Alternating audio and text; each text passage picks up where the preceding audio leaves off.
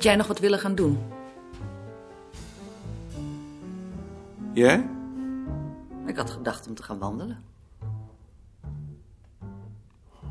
Wandelen. Maar jij dus niet? Goed. Laten we maar gaan wandelen. Niet als jij er geen zin in hebt.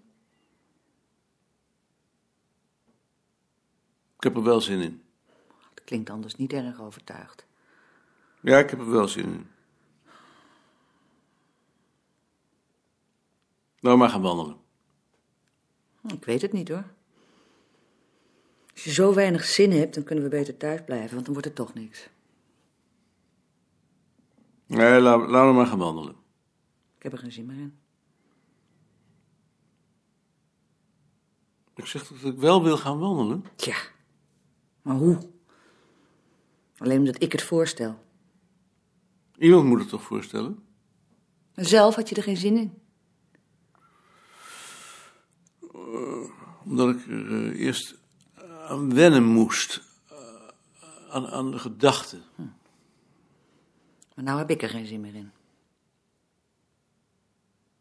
Maar waar naartoe? Weet ik niet. Je weet toch wel waar je naartoe wou? Nee. Moet jij nou maar zeggen. Dat is onzin. Jij had een plan en dan moet je het ook zeggen. Anders willen we straks allebei naar wat anders. Ik had van Castricum naar Bergen gewild.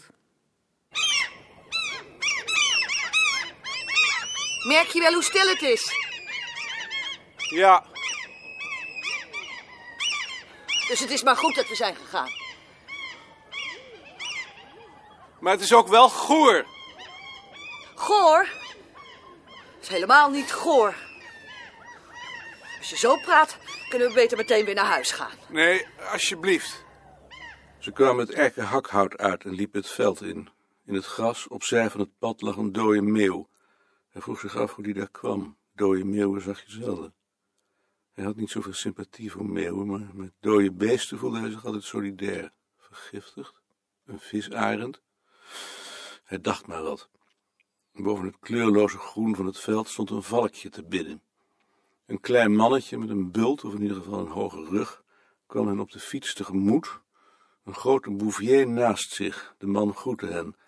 Hij groette onwillig terug. Kleine mannetjes met een bult en een bouvier, daar had hij het niet op.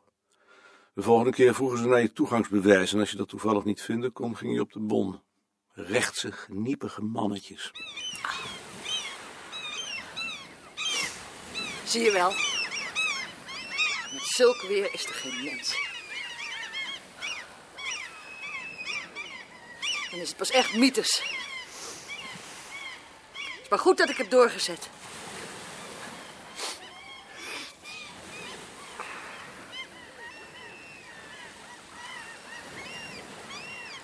Zullen we dan maar tot Egmond gaan?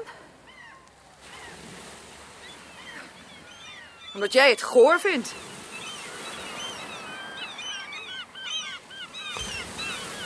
Zou toch naar Bergen gaan? Maar ik krijg hoofdpijn. Hoofdpijn? Van de wind. Onzin. Onzin? Als ik niet naar Bergen wil, dan hoef ik toch niet naar Bergen? Tuurlijk niet. En bovendien weet ik helemaal niet of jij het wel leuk vindt. Ik vind het wel leuk. Maar je zegt het niet. Zeg het toch? Maar niet uit jezelf.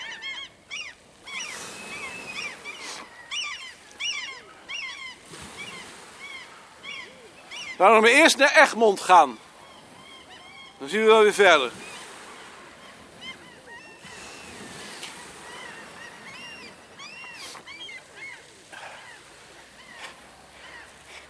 Zullen we hier opgaan? Wat mij betreft niet. Maar je had er toch geen zin in? Ik vind best. Zelf zou je zijn thuis gebleven.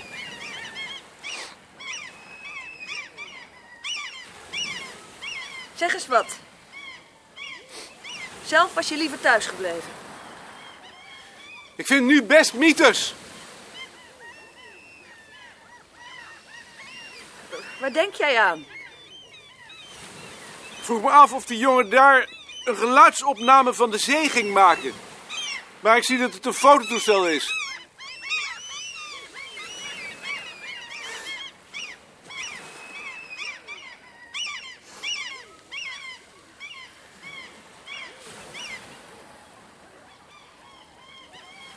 Waarom zeg je niks?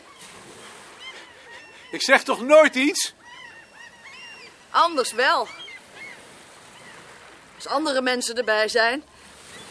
Op het bureau praat je wel.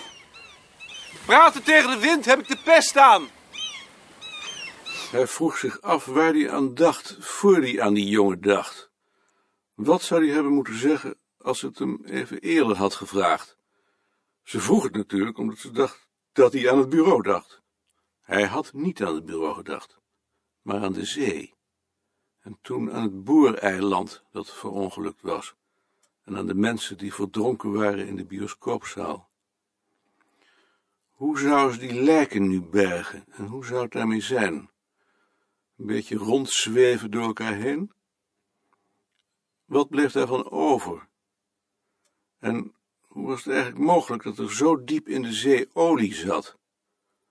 Waren daar bossen geweest? Daar was het te diep voor. Waarschijnlijk waren dat zeeplanten geweest en plankton. Was het daar dan niet te diep voor? Hij dacht aan Greenpeace en aan de zeehonden. God weet wat je allemaal bij elkaar dacht. En hij vond het jammer dat ze hem niet gevraagd had wat hij dacht toen hij aan die lijken dacht. Dat zou een mooi antwoord geweest zijn. Hij besloot het achter de hand te houden voor een volgende keer. Ten slotte kon hij zoiets ook best op een ander ogenblik denken, maar ze vroeg niets meer. Ze was moe geworden van het duwen tegen de wind en haar hoofdpijn was erger geworden. Bergen is ver met de wind tegen. En nooit is iemand die vroeg waar ze vandaan kwamen. Achterloos, uit Castricum. Verbaasd, uit Castricum? Dat is toch een heel eind? Bescheiden, wel nee, kleine vijf uur. Voor mensen die alleen nog in een auto zaten en de hond uitlieten, is ongeveer genoeg voor een hartaanval. Maar eigenlijk was het natuurlijk echt bijna niets. Hoe zou het toch komen dat je zo stijf wordt? Omdat we oud worden. Ik word niet oud. Ik ben nog jong. Bij mij omdat ik oud word. Het is wel vaker zo koud tegen Pasen.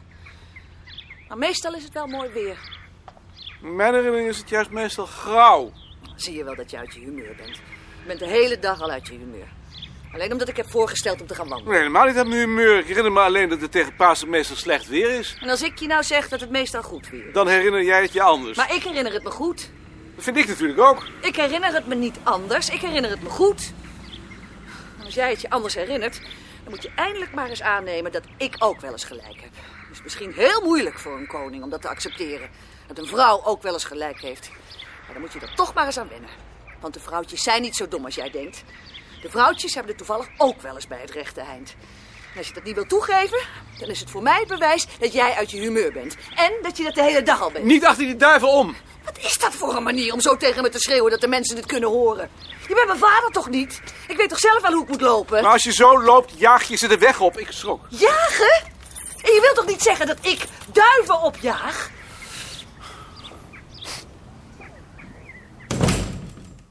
Wil je geen borrel? Jawel. Waarom heb je hem dan niet zelf gehaald?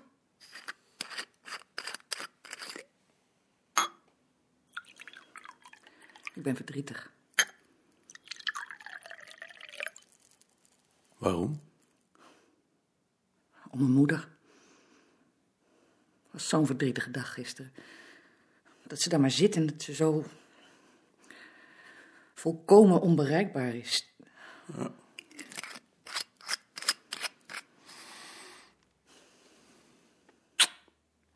Wees maar niet verdrietig. Nee. Ik zal niet verdrietig zijn.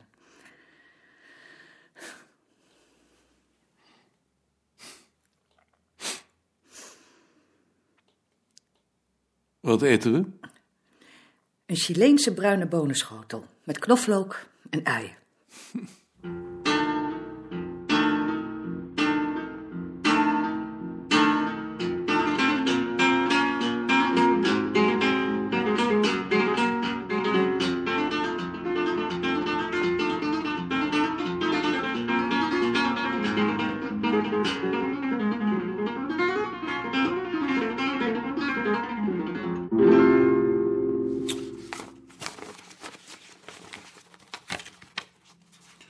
Ik ben gisteren na de vergadering van de museumcommissie nog even bij Cassis langs geweest. En het blijkt dat hij in zijn archief een dossier met boedelbeschrijvingen heeft. Wat wou je daarmee? Vroeg me af of we niet eens een proefonderzoek kunnen doen om te zien wat die bron waard is. Wie wou je dat dan laten doen? Lien? Lien heeft nog geen onderzoek. Denk je dat ze dat kan? Ze is hier wel heel precies en ze heeft hersens. Ja. Ik vond die onderzoeken van die leerlingen van Kunterman in die bundel die ik besproken heb heel interessant. Ja. Met onze vragenlijsten kom je niet verder dan het begin van deze eeuw. En met die boedelbeschrijvingen heb je jaar voor jaar, in ieder geval voor de 19e eeuw, een exacte opgave van het huisraad in het hele land en in alle sociale groepen. Zodat je de verspreiding van elk nieuw voorwerp op de voet kunt volgen. Maar over gebruiken zeggen ze niets. Nee, alleen over voorwerpen. Je zou het eens kunnen proberen.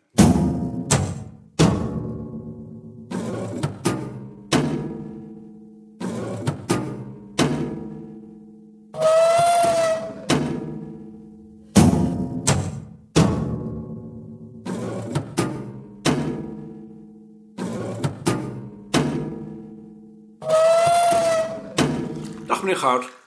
Dag, meneer Koning. Is Wigbold weer ziek? Ja, Wigbold is weer ziek.